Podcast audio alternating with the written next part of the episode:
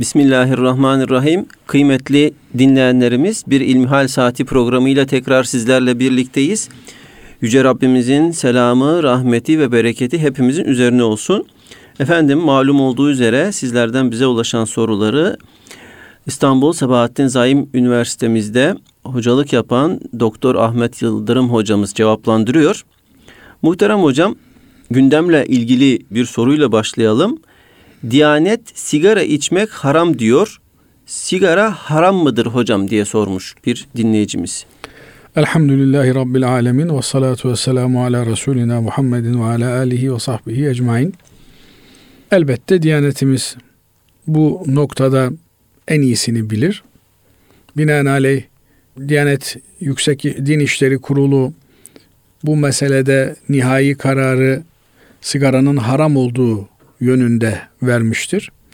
Sadece Diyanetimiz, Diyanet işlerine bağlı Din İşleri Yüksek Kurulumuz bu noktada sigaranın haram olduğunu söyleyen kuruluşlar değildir. Birçok uluslararası fıkıh konseyi, uluslararası bilimsel komiteler sigaranın haram olduğunu söylemektedirler. Nitekim alimlerimizin kahir ekseriyeti kısmı azamı da sigaranın haram olduğu görüşündedir. Peki bu noktada bazı kardeşlerimiz efendim düne kadar mekruh deniyordu bugün haram denilmesinin sebebi nedir diye bu fetvadaki değişimin gerekçesi nedir diye sorabilirler. Öncelikle şunu ifade etmek gerekir ki dinimizde hüküm diye tabir ettiğimiz yani eylemlerimize sıfat olarak kullandığımız haramdır, helaldir, mübahtır, mekruhtur, caizdir türünden ifadeler temelde Cenab-ı Allah'ın biz kulların fiillerine yönelik olarak ezeli iradesinin tercümesidir. Yani Cenab-ı Allah bizden sigara içmemizi veya içmememizi talep etmektedir. Bu noktada Allah'ın bizden muradı nedir? Sigara ve türevlerinin kullanılması mı, kullanılmaması mı? Bunu araştırmakla mükelleftir. Bir hoca efendi, bir müştehit, din alimi Allah'ın bu noktadaki iradesini araştırıp bulup Allah'ın kullarına sunmak, arz etmek, tebliğ etmekle mükelleftir. Bunu da yaparken direkt Kur'an-ı Kerim'e veya Kur'an-ı Kerim'in insanlara izahı, beyanı hükmünde olan Hz. Peygamber aleyhissalatü vesselam Efendimizin sünnetine bakarak yapmak durumundayız. Ama sigara gibi nesneler Kur'an'ın nazil olduğu dönemde bulunmadıklarından Hz. Peygamber aleyhissalatü vesselam Efendimizin hayatta olduğu zaman diliminde bizler tarafından bilinmediğinden bununla ilgili direkt aynı isimle bir ifadeyi Kur'an'da ve sünnette bulmamız mümkün değil. Fakat Kur'an-ı Kerim kıyamete kadar bütün insanlığa gelmiş bir kitap olduğundan Hz. Peygamber sallallahu aleyhi ve sellem Efendimiz bütün insanlığa gelmiş geçmiş bütün beşeriyete peygamber olarak gönderildiğinden sadece insanlara değil hem insanlara hem cinlere peygamber olarak hatta bütün alemlere rahmet olarak gönderildiğinden onun şeriatının, onun getirdiği dinin kıyamete kadar bütün olaylara bir çözümünün olması, bütün problemlerle ilgili söyleyeceği bir sözünün olması gayet tabii ve doğal bir durumdur. Böyle olunca Kur'an-ı Kerim'deki genel hükümlere Hz. Peygamber aleyhissalatü vesselam Efendimizin hadislerindeki ana çerçeveye bakarak hakkında bizzat isim ile gelmiş bir hüküm bulunmayan sigara ile ilgili meselelere Kur'an'ın ve sünnetin perspektifinden çözümler, cevaplar bulma imkanına sahibiz. Mesela Kur'an-ı Kerim yuharrimu aleyhimul habais ifadesiyle Allah'ın peygamber olarak ümmeti Muhammed'e insanlara göndermiş olduğu zat onlara çirkin olan, pis olan şeyleri yasaklar. Onların zararına olan şeyleri onlara yasaklar diye buyurmaktadır. Binaenaleyh temel ilkedir ki şeriatımız insana zarar veren, efendim insan tabiatıyla örtüşmeyen, insanı intihar ediyor gibi bir duruma düşüren her şeyi yasaklamıştır. Bugün sigara ile ilgili net bir şey söylemenin öncesinde sigaranın ne olduğunun tahlil edilmesine ihtiyaç vardır. Dün de böyleydi. Dün sigara ile ilgili yapılan tahlillerde sigaranın keyif veren bir ot olduğu üzerinden hareket ediliyordu. Efendim bundan 50 sene kadar önce, 100 sene kadar önce sigara ile ilgili bilimsel çalışmalar yeterli düzeyde olmadığı için sigara keyif veren bir ot, faydası ve zararı bulunmayan, efendim malın boşuna tüketilmesi anlamına gelebilecek olan bir alışkanlık, bir kullanım biçimi olarak değerlendiriliyordu. Bundan hareketle bazı alimlerimiz hali vakti yerinde olan kullanabilir ama hali vakti yerinde olmayan çoluğunun çocuğunun nafakasından keserek bir ot parçasını yakmak üzere buraya para harcaması caiz değildir diyorlardı. Fakat bugün olay masaya yatırıldığında sigaranın keyif veren bir madde olmanın çok çok ötesinde öldürücü bir zehir olduğu artık bütün bilimsel verilerle ispat edilmiş durumdadır. Binaenaleyh biz artık keyif veren bir otun hükmünü konuşmuyoruz. Şimdi insanı zehirleyen, çevreyi zehirleyen, tabiatı zehirleyen bir otun hükmünden bahsediyoruz. Buradaki zehir de öyle alelade bir zehir de değil. Bir deveyi yoğun olarak bu madde, nikotin maddesi ve başka sigaranın içerisinde bulunan öldürücü zehirler verilecek olsa bir deveyi 5-10 dakika içerisinde öldürebilecek kadar güçlü bir zehirden bahsediyoruz. Nitekim bizim bahsetmemize de gerek yok. Söz konusu sigara ürünlerinin üzerinde bu sigara öldürücüdür, kanser yapıcıdır, şöyle yapıcıdır, böyle yapıcıdır diye çok bakılamayacak derecede korkunç resimlerle beraber artık paketlerin üzerinde sigaranın hükmü açık ve net bir şekilde yazmaktadır. Yani evet. bir şey eğer kanser yapıyorsa bunun artık haram olduğunda şüphe yoktur. Evet. Eğer bir şey insanı o resimlerde görüldüğü hastalıklara düşürüyorsa bunun da haram olduğunda akıl sahibi kimse tereddüt edemez. Efendim eğer haram olsaydı bizim hocalarımız içmezdi diyerekten hocalarının içmesine veya hocalarımızın büyük alimlerden bazılarının sigarayı içmesinden hareketle sigaranın caiz olduğu türünden bir çıkarsama yapmaya kalkmak çok yanlış bir husustur. Çok yanlış bir durumdur. Az önce de ifade etmeye çalıştığımız gibi sigara ile ilgili o gün elde bulunan veriler sigaranın keyif verici bir madde olduğunu söylerdi. Bu yönüyle dün sigaraya baktığımızda sigarayı keyif verici bir madde olmak durumuyla değerlendiriyorduk. En fazla israf kategorisine giriyordu. İşte olayla ilgili bu maddeyle ilgili daha derinlemesine araştırma yapanlar diyorlardı ki bunun kerih çirkin bir kokusu var. Dolayısıyla bu koku rahatsız ediyor. Bu sigarayı içmiş olanlar cemaate yaklaşmasınlar, cemaate katılmasınlar. Çünkü namaz kılanlar bundan rahatsız olabilirler diyorlardı. Fakat bugün e, durumun değiştiğini artık hepimiz kabul ediyoruz. Binaenaleyh dün buna caizdir diyen, mekruhtur diyen alimlerimiz bugün hayatta olsalardı, efendim hocam içiyor ben de içerim diye hocalarına atfen bunun caiz olduğunu, içilebilir olduğunu söyleyen kardeşlerimize diyorum ki o hocalarımız bugün hayatta olsalardı asla böyle bir şeyin caiz olduğunu söyleyemezlerdi, söylemezlerdi. Çünkü bunun söylenemeyecek kadar açık ve net bir durum kesbettiğini, kazandığını her aklı selim, sağlam düşünce sahibi idrak edebilir.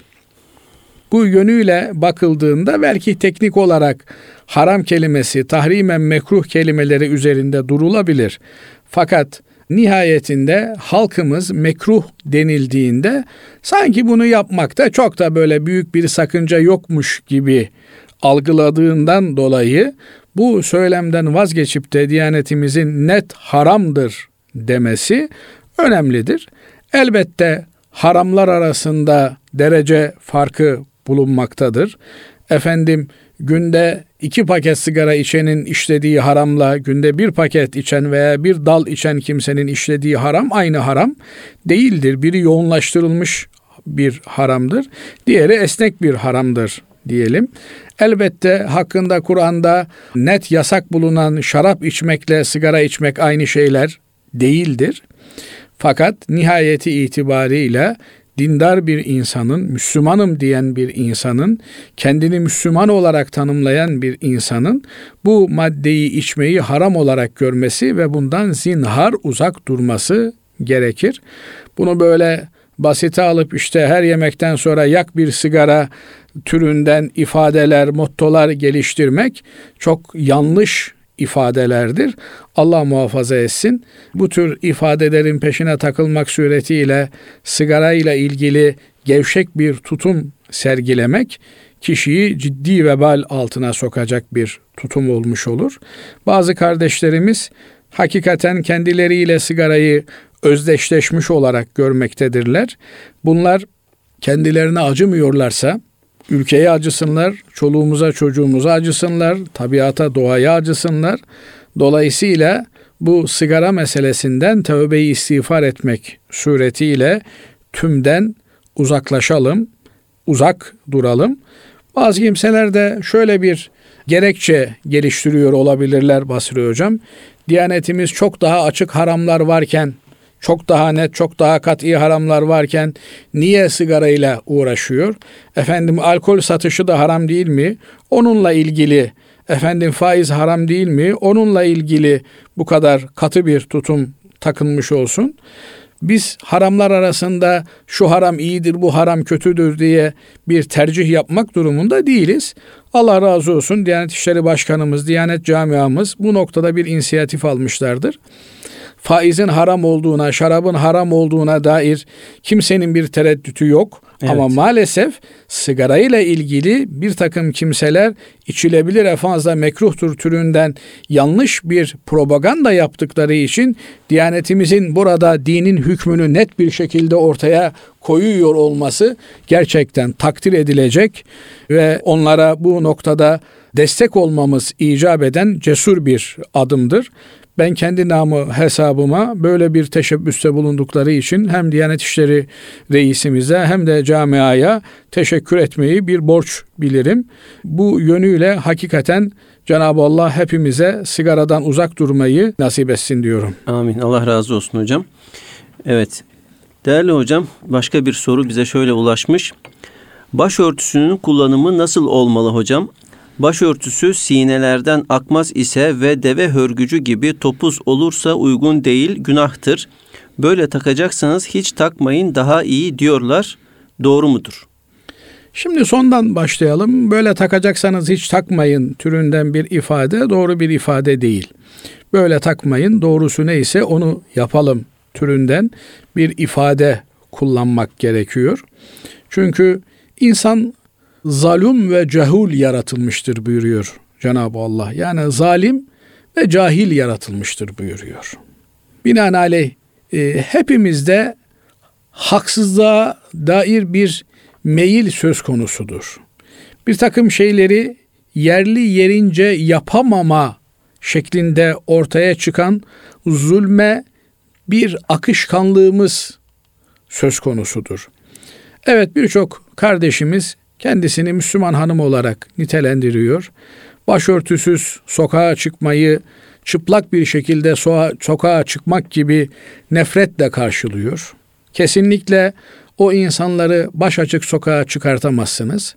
Fakat bakıyorsunuz ki bu takılan başörtüsü başörtüsünün hikmeti olan kadının toplumda görünür halde olmaması, efendim kadınlığını izhar edici olarak durmaması yönündeki başörtüsü takma emrinin hikmetiyle bağdaşmıyor.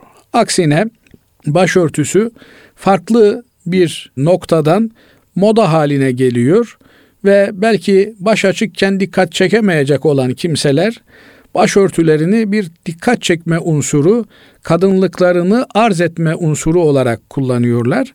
Bunu dinimiz hoş karşılamıyor. Bu noktada dinimiz toplumda cinsiyet önceliği üzerinden bir algı tesis etme noktasında kimsenin olmasını istemiyor. Yani ne erkek erkekliğini izhar edecek bir şekilde sokakta varlığını gösterecek ne kadın kadınlığını ortaya koymak suretiyle bir prim yapmaya çalışacak.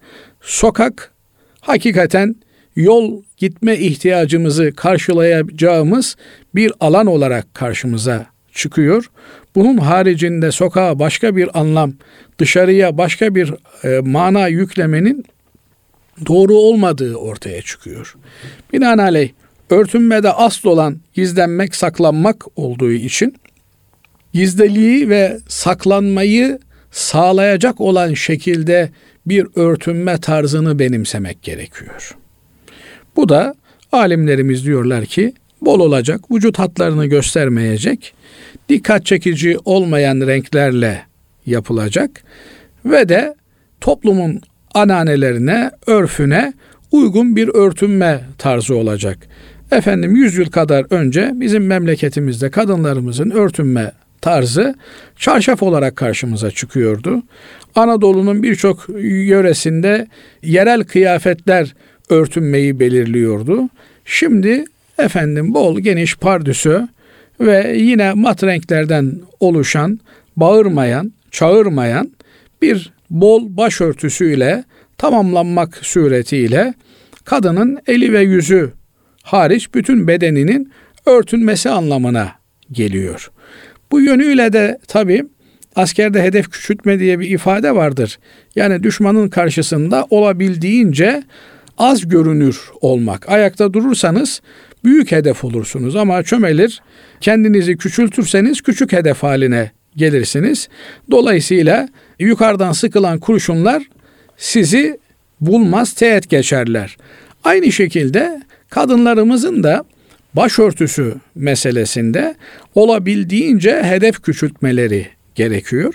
Efendimiz Aleyhisselatü Vesselam'ın hadislerinde kıyamet alametlerinden biri kadınların başlarını deve hörgücü gibi yapmalarına vurgu yapılıyor. Ne demek deve hörgücü gibi yapmaları? Biliyorsunuz devede kimilerinde tek kimilerinde çift hörgüç bulunur. Böyle bir çıkıntıdır, tümsek şeklindedir. Bazı kadınlar efendim saçlarının arka tarafına, üst tarafına ilaveler yapmak suretiyle, eklemeler yapmak suretiyle küçücük bir kafayı kocaman bir kafaya çevirmektedirler. Böylelikle kendilerinin daha güzel olduğunu düşünmektedirler. İşte bu nokta zaten tesettürle, tesettür demek gizlenmek demek saklanmak demek, hedefi küçültmek demek tabiri caizse, aksine daha böyle görünür hale gelmek, daha böyle ben buradayım diye bağırmak anlamına gelen bu tür işte baş e, örtüsünü altını dolgu malzemeleriyle doldurup başı büyütme çabaları hadis-i şeriflerde çok net ifadelerle kınanmış ve yerilmiş ifadelerdir. Allahu alem Hazreti Peygamber aleyhissalatü vesselam Efendimiz'e çok hususiyetler verildiği için e, kıyamet alametlerinden biri olarak bunu zikrediyor. Demek ki kadınların böyle bir meyilleri olacak. Bugünlerde bunu çok rahat bir şekilde görüyoruz. Müslüman kadın unutmamalı ki topluma, dışarıya, şuna buna kendisini beğendirme sinden daha önemli olan Allah'ın bizi beğenmesidir. Allah bizi beğeniyorsa bu her şeyin üstündedir. Ve rıdvanun minhu ekber diyor Cenab-ı Allah. Allah'ın azıcık şuncacık bir rızası her şeyden çok daha önemli, çok daha büyüktür. Elbette bazı kardeşlerimiz haklı olarak şunu söyleyecekler. Yani bir insan güzel giyinmemeli mi? Kendisi efendim aynaya baktığında kendinden iyi giyinmek, güzel giyinmek hakkı olduğunu görmesi onun tabii bir hakkı değil midir? Evet her insan iyi giyinebilmeli, güzel giyinebilmeli. Fakat bu iyi giyinme, güzel giyinmeyi başkalarının gözlerine sokar tarzda yapmamalı. Eğer öyle yaparsa bir Müslüman olarak yanlış yapmış olur. İnsanlar tercihlerinde serbesttirler. İsteyen Cenab-ı Allah buyuruyor ki cenneti isteyen cehennemi tercih etsin. İsteyen Allah'ı tercih eder, isteyen şeytanı tercih eder. Eğer Allah'ı tercih ediyorsa bir mümin kadın bunun bir bedeli olacak. Basri hocam. Mümin bir erkek eğer Allah'ı tercih ediyorsa onun bir bedeli olacak. Yani iman bize kardeşim sen şunu yaparsın yapabilirsin ama şunları yapamazsın dedirtecek diyebilmeli iman. Şimdi maalesef bakıyoruz ki Müslüman her şeye ulaşabilmeli, Müslüman her şeyi giyebilmeli, Müslüman her yere girip çıkabilmeli. Yani ben başörtülü olduktan sonra her yere girerim. Yok ki böyle bir durum. Yani başörtüsü insanda ar duygusunu meydana getirmeli. Ya kardeşim bu başörtüsü beni bir takım yerlere girmekten alıkoyar, men eder. Ben bu başörtüsüyle her istediğimi yapamam. O artık geçti hocam. Ne geçti hocam? Yani bu düşünce e, maalesef artık yani e, başörtüsü normal bir elbise, bir moda olarak. Yani başörtüsünü aksesuar haline aksesuar getiren oldu. kardeşlerimiz evet. bilsinler ki bununla vebalden kurtarmazlar. Evet. Allah bunun hesabını sorar. Dolayısıyla başörtüsünü bir aksesuar haline getirip de bayağılaştıran kimseler e, çok ciddi bir vebal yüklenmiş oluyorlar. E, Cenab-ı Allah hepimize hidayet nasip etsin. Amin. Allah razı olsun. Kıymetli dinleyenlerimiz İlmihal Saati programımıza kaldığımız yerden devam ediyoruz. Değerli hocamız Doktor Ahmet Hamdi Yıldırım sizlerden bize ulaşan soruları cevaplandırıyor. Ee, muhterem hocam yurt dışından bize bazı e, sorular ulaşmış. Sırasıyla onları böyle cevaplandırmaya çalışalım. 4-5 tane soru var. Diyor ki dinleyicimiz Dine bağlandıkça zevceme karşı şehvetim, cinsi isteğim olmuyor. Ama dinden uzaklaştıkça cinsi isteğim artıyor. Neden acaba? Öncelikle şunu söyleyelim. Cinsellik fıtri bir ihtiyacımız yani insan olarak, beşer olarak yemek içmek nasıl bir ihtiyaçsa cinsellik de bir ihtiyaç. Bunun dine bağlı olmakla veya dinden uzaklaşmakla doğrudan bir ilişkisi söz konusu değil. Fakat şu kadar var ki insan önceliklerini sıraladığında ne kadar dindarlaşırsa o kadar dünyevi işlerle veya işte hayvani ihtiyaçlarla olan ilişkisini keser. Haliyle günde beş vakit namaz kılan bir insan düzenli olarak efendim pazartesi perşembeyi eyyamul bit dediğimiz her hicri ayın 13, 14, 15'ini oruçla geçiren bir kimse efendim ibadet yoğun yaşayan bir kimse malale yaniye fırsat bulamadığı için onun e, cinsel istekleri başta olmak üzere diğer hayvani isteklerinde azalmalar meydana gelir. Nitekim Efendimiz Aleyhisselatü Vesselam'a müşrikken gelmiş olan bir zat yedi tas süt içmiş doyamamış. Müslüman olduktan sonra bir tas süt getirmişler. E, bir tas sütü bile içmeden doymuş. Bunun üzerine Efendimiz Aleyhisselatü Vesselam Müslüman bir mideyle müşrik yedi mideyle yer buyurmuş. Binaenaleyh Müslümanın olan dünyaya olan ihtiyacı Müslüman olmayanlara göre daha sınırlıdır. Ama birinci bölümde de konuştuğumuz gibi artık Müslümanlık kanaatkarlıkla eşdeğer iken böyle olmaktan çıkmış durumda. E adamın bir evi var yetmiyor, iki evi var yetmiyor, bir fabrikası var yetmiyor, 50 fabrika, 100 fabrika. Yani servetini nereye koyacağını şaşırıyor. Bir türlü hiçbirimiz durdurak bilmiyoruz. Bir kanaatsizlik söz konusu hepimiz için. Bu yüzden Cenab-ı Allah'tan kanaat talep etmek durumundayız. Kanaat istemek durumundayız. Fakat buradan şöyle bir e, sonuç çıkartmamak e, lazım.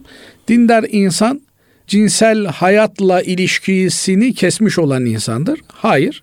Cinsellik çünkü tek başına icra edilen bir fonksiyon olmadığından dolayı siz belki bir takım noktalarda ihtiyaçlarınızı törpüleyebilirsiniz ama hayat arkadaşınızın, eşinizin ihtiyaçlarını e, gözetmek durumundasınız. Onun ihtiyaçlarına e, meşru cevaplar vermek durumundasınız. Bu yönüyle Müslüman bir insan Allah'ın hakkını vermeye gayret ettiği gibi çoluğunun çocuğunun hakkını da vermeye hatta kendi nefsi üzerindeki hak ve hukuka da riayet etmeye gayret etmelidir. Unutmamak gerekiyor ki Hz. Peygamber aleyhissalatü vesselam Efendimiz bir hadisi şeriflerinde maalen ifade etmek isterim. Sizin birinizin eşiyle yaşadığı cinsellikte de onun için bir sevap yazılır buyurmaktadır. Bunun üzerine sahabe efendilerimizden bunu garipseyenler olmuş. Yani ya Resulallah bizden biri eşiyle yatağa girdiğinde cinsellik yaşadığında bundan sevap mı alacak diye soru tekrarı adeta yaptıklarında Efendimiz daha iyi anlamaları için buyuruyor ki bu ihtiyacını haram yollarla giderdiğinde günah kazandığı gibi helal yollarla giderdiğinde sevap kazanır. Niye? Hem kendi ihtiyacını gidermiş hem de meşru bir şekilde eşinin ihtiyacını gidermiş olur. Binaenaleyh bunları birbirlerini öteleyen şeyler olarak görmemek lazım. Unutmamak lazım ki yeri geldiğinde cinsellik de bir ibadet haline gelir. Nitekim Efendimiz Aleyhisselatü Vesselam evleniniz, çoğalınız, ben sizin çoğalmanızla kıyamet gününde övünç duyacağım diyor. E bu hadise olmadan nasıl çoğalma mümkün olacak? Binaenaleyh bunu bir ibadet gibi bir Müslümanın değerlendirmesi gerekir. Onun için mesela böyle bir eylemin başında e, Amudu Besmele ile başlıyoruz, yatağa giriyoruz, dualarımızı okuyoruz. Niye? Cenab-ı Allah bize bir evlat verecekse rızkımıza bir evlat düşecekse şeytanın ona bulaşmasına engel olmak için Allahümme cennibne şeytan ve cennibi şeytan amma razaktena Allah'ım bizi şeytandan uzak tut. Allah'ım bize rızık olarak verdiğin evladı iyalden de şeytanı uzak tut diye dua ediyoruz. Zaten böyle bir bilinçli olmadığı zaman e, şeytan her türlü şeye müdahil olduğu gibi bu olaya da müdahil oluyor. Burada işte dini yanlış anlama veya eksik anlama kavramı karşımıza çıkıyor. Hocam e, dinleyicilerimizden belki yanlış anlaşılmalar olabilir. Yani bu dualar okunmadığında mutlaka şeytan karışacak anlamına gelmiyor değil mi?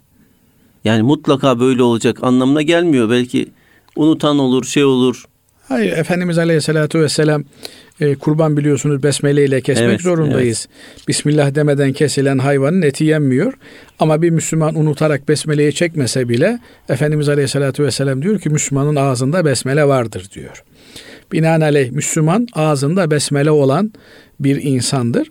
E, unutabilir, söylemeyebilir. Buradan lafzından daha fazla işin ruhuyla alakalı bir meseledir bu. Bilinçli olmakla ilgili bir meseledir. Şeytan hayatımızda bize düşmanlık eden gerçek bir varlıktır. Binaenaleyh onun düşmanlığına karşı tedbirli olmamız gerekiyor. Kendimizi koruduğumuz gibi çoluğumuzu, çocuğumuzu da korumaya gayret etmemiz gerekiyor. Evet. Değerli hocam bu yurt dışından gelen sorular arasında ikinci soru sakalı az saklamak bidat mıdır? Yani az sakal salmak. Ben sakalımı buğday tanesi kadar uzatıyorum, bıyıklarımı da kısaltıyorum. Yüzümde sakal olan da diyor, kendimi çok iyi mümin gibi hissediyorum. İmanım da güçlü oluyor Allah'ın izniyle. Bunun bid'at olduğunu okudum, bir de size sorayım dedim.'' Şimdi alimlerimiz, hocalarımız sakalı yüzün bir parçası olarak değerlendirmişler. Yani nasıl kulak yüzümüzün bir parçası, burun yüzümüzün bir parçası, kaş yüzümüzün bir parçası, kirpikler yüzümüzün bir parçası ise sakalı da yüzün doğal bir parçası olarak görmüşler. Bu yönüyle bakıldığında erkeklerin çenelerinde sakal bitiyor. Efendim bu biten sakalı kazımayı Allah'ın yaratışına bir müdahale olarak değerlendirmişler ve kahir ekseriyetiyle alimlerimiz sakalsızlığı yani sakalı çıkmış olan birinin sakalını kazıtmasını haram olarak değerlendirmişler. Sadece İmam Şafii Hazretleri sakal kesmeyi mekruh olarak görmüş.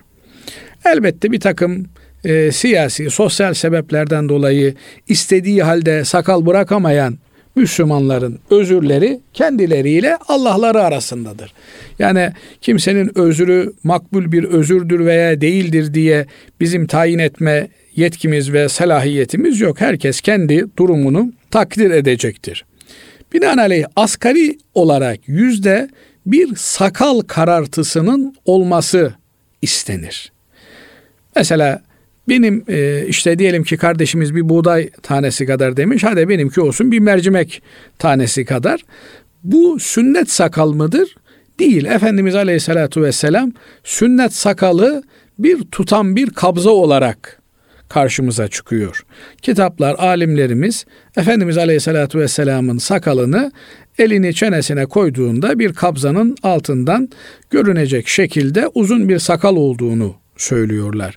Bu yönüyle sünnet olan sakal bir kabza olan sakaldır. Fakat bu bir kabza sakalı bırakmıyor diye efendim buğday kadar veya işte mercimek kadar, nohut kadar sakal bırakmış olan bir kimse bidat mı yapıyor? Bidat ise bidat kötü bir şey bundan uzak durmak lazım diyor kardeşimiz herhalde. Bu ifadenin böyle sorulmasının doğru olmadığı kanaatindeyim. Bu bidat değil, sünneti eksik işlemek demektir. Binaenaleyh inşallah e, sakala dokunulmadığı sürece sünnet olan uzunluğa da ulaşacak demektir. Ama bu haliyle sünnetin eksik olarak ifa edilmesi şeklinde anlayabiliriz. Cenab-ı Allah Hazreti Peygamber aleyhissalatü vesselam Efendimizin bütün sünnetlerine bir hakkın riayet edebilmeyi, onları yaşayabilmeyi hepimize nasip ve müyesser eylesin. Amin. Allah razı olsun. Çorap diye giydiğimiz şeylerin üzerine mesk yapabilir miyim? İmameyne göre caiz olduğunu okudum. Ben çoraplarıma ara sıra soğuk havada sıcak su bulamadığım için mesih yapar, namazlarımı kılarım. Namazlarım kabul olmamış mı? Çorapların üzerine mesih caiz değil mi? Ben imameynin görüşünü esas alarak yapmışım. Doğru mu? Şimdi tabii çorap üzerine mesih meselesi tartışmalı meselelerden bir tanesi. Cenab-ı Allah abdest ayetinde sizden biriniz e, namaza murad ettiğinde yüzünü yıkasın, kollarını yıkasın, başını mesetsin, ayaklarını yıkasın buyuruyor. Ayet-i kerimede ayakların yıkanmasının farz olduğu açık bir şekilde görülmekte. Bunun karşısında Efendimiz Aleyhisselatü Vesselam'ın bizim mest dediğimiz efendim deriden, kavuçuktan, altı köseleli giysiler giydiği ve bunların üzerine Mesih verdiği de sağlam rivayetlerde tevatür derecesine ulaşan rivayetlerde bizlere gelmiş nakledilmiş.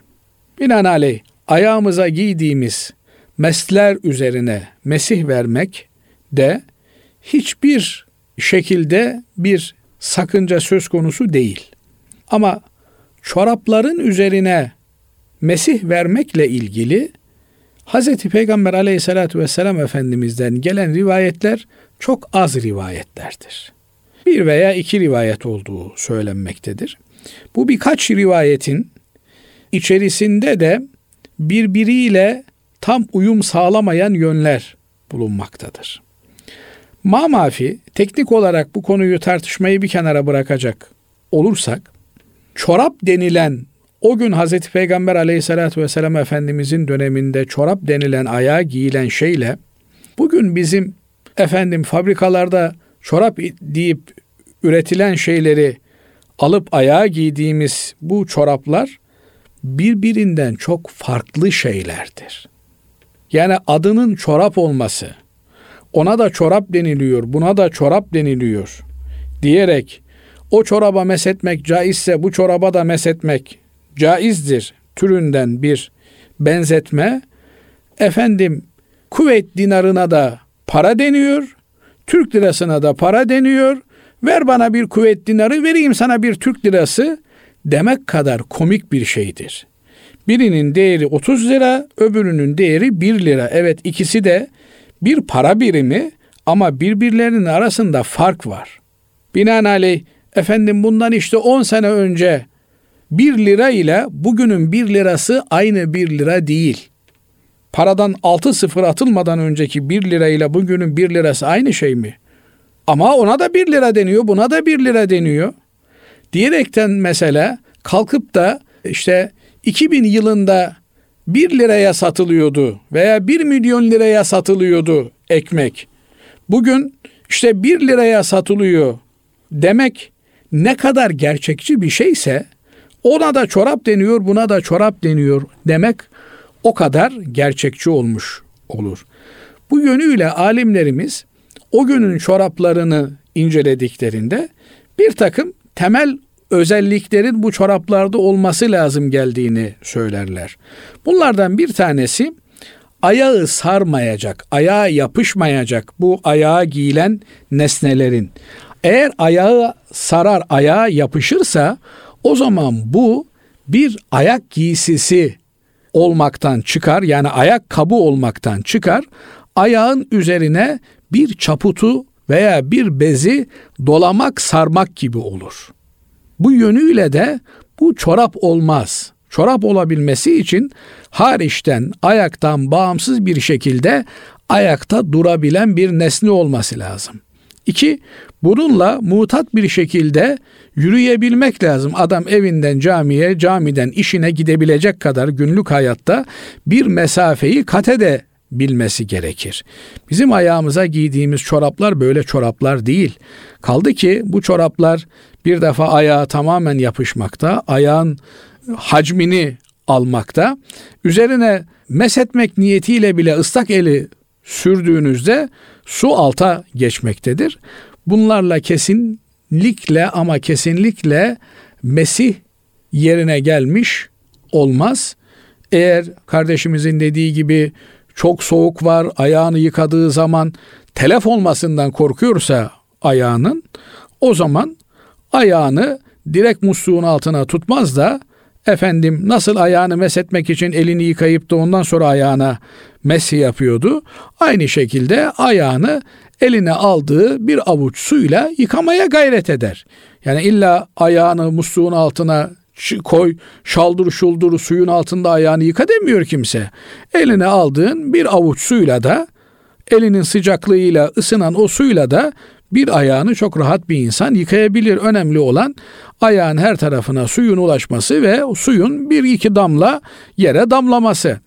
Binaenaleyh bu gibi noktalarda sadece bir sözlük ve kelime benzerliğinden dolayı insanın ibadetini tehlikeye atmaması gerekir. Efendimiz Aleyhisselatü Vesselam bir defasında ayaklarını yıkamış, sadece topuklarını yıkamamış olan bir sahabeyi gördüğünde bu topuklar cehennem azabında yanacak buyurmuşlardır. Binaenaleyh abdestimizde titin olmamız, dikkat etmemiz gerekir. Evet hocam. Şimdi bu dinleyicimizin yurt dışından son iki sorusu. Nurettin Yıldız hocayı dinlememde bir sakınca var mıdır diyor ve son sorusu da tevessül şirk mi? Bu ikisini birlikte e, cevaplandırırsanız. Evet, Nurettin Yıldız hocamız e, benim hocamdır. Radyomuzun programcılarından biridir. Altınoluk dergisinde yazmakta olan bir hocamızdır, büyüğümüzdür. Elbette Nurettin Yıldız hocamızı dinleyebilir. Biz de dinliyoruz. Milyonlarca insan da Nurettin Yıldız hocamızı dinliyor. Zaman zaman sağda solda efendim şöyle demiş böyle demiş diye bazı Nurettin Hoca'nın önceden söylediği veya bir bağlam içerisinde söylediği ama cımbızla çekilip ortaya konulan meseleler var. Bunlarla ilgili de İmam Malik Hazretleri'nin çok muazzam bir sözü var. Bu hepimiz için geçerli bir sözdür. İmam Malik Hazretleri Medine'de Hazreti Peygamber Aleyhisselatü vesselam Efendimizin mescidinde ilmi bir tartışma yapılırken işte onun sözü bunun sözü diye e, alimlerin sözleri aktarılmakta. Bunları dinledikten sonra cemaate şöyle sesleniyor. Efendimiz Aleyhisselatü Vesselam'ın mübarek kabirlerini göstererek şurada Ravza'da yatan zat hariç herkesin sözü dinlenir. Kiminin sözü kabul edilir, kiminin reddedilir. Kimi sözler kabul edilir, kimi sözler reddedilir. her insanın kabul olunan sözleri de vardır, reddedilen sözleri vardır. Hazreti Peygamber aleyhissalatü vesselam Efendimizin bütün sözleri baş tacıdır. Onun haricinde kim olursa olsun, isterse mezhep imamı olsun, isterse tarikat şeyhi olsun, isterse mürşidi kamil olsun, her insanın sözünden teorik olarak kabul olunanlar olabileceği gibi kabul olunmayanlar da olabilir. Nurettin Yıldız Hoca da böyle bir hocamızdır. Bazı görüşlerini kabul etmeyebilirsiniz. Ama Nurettin Yıldız Hoca bu memleketin yetiştirdiği ehl sünnet ve cemaat e, alimlerini temsil eden çok önemli alimlerimizden, hocalarımızdan biridir. Binaenaleyh dinleyip istifade etmeyi herkese tavsiye ederim. İkinci bir mesele tevessül şirk midir? Şirk nedir? Allah'a mahsus bir ibadette başkasını Allah'a ortak koşmaktır. Binaenaleyh Allah rızası için diye başlayan hiçbir cümle şirk cümlesi olmaz. Mesela Ya Rabbi Abdülkadir Geylani Hazretleri senin hatırlı bir kulun. Onu sana şefaatçi kılıyorum. Beni affeyle dese bir insan bu bir tevessül cümlesidir. Bu asla bir şirk cümlesi değildir. Niye? Çünkü Abdülkadir Geylani Hazretleri Allah katında makbul bir kuldur. Ümmeti Muhammed'in böyle inancı var. Veysel Karani Hazretleri Allah katında makbul bir kuldur. Efendimiz Aleyhisselatü Vesselam'ın bu yönde şehadeti var. Binaenaleyh onu Cenab-ı Allah'a bir şefaatçi olarak arz etmek bir şirk ifadesi değildir. Aksine Cenab-ı Allah'ın o kullarına bir ikramıdır, bir lütfudur, bereketidir. Onların bu dünyada yaşadıkları dönem içerisindeki irşatları devam ettiği gibi vefatlarından sonra da adları güzel ifadelerle anıldığı için kerametleri devam ediyor demektir. Bu bahis biraz uzun bahis. İsterseniz daha sonraki e, sohbetlerimize devam ederiz inşallah. Peki hocam teşekkür ediyoruz. Allah razı olsun. Değerli dinleyenlerimiz bir İlmihal Saati programının daha sonuna ermiş bulunuyoruz. Hepinizi Allah'a emanet ediyoruz efendim. Hoşçakalın.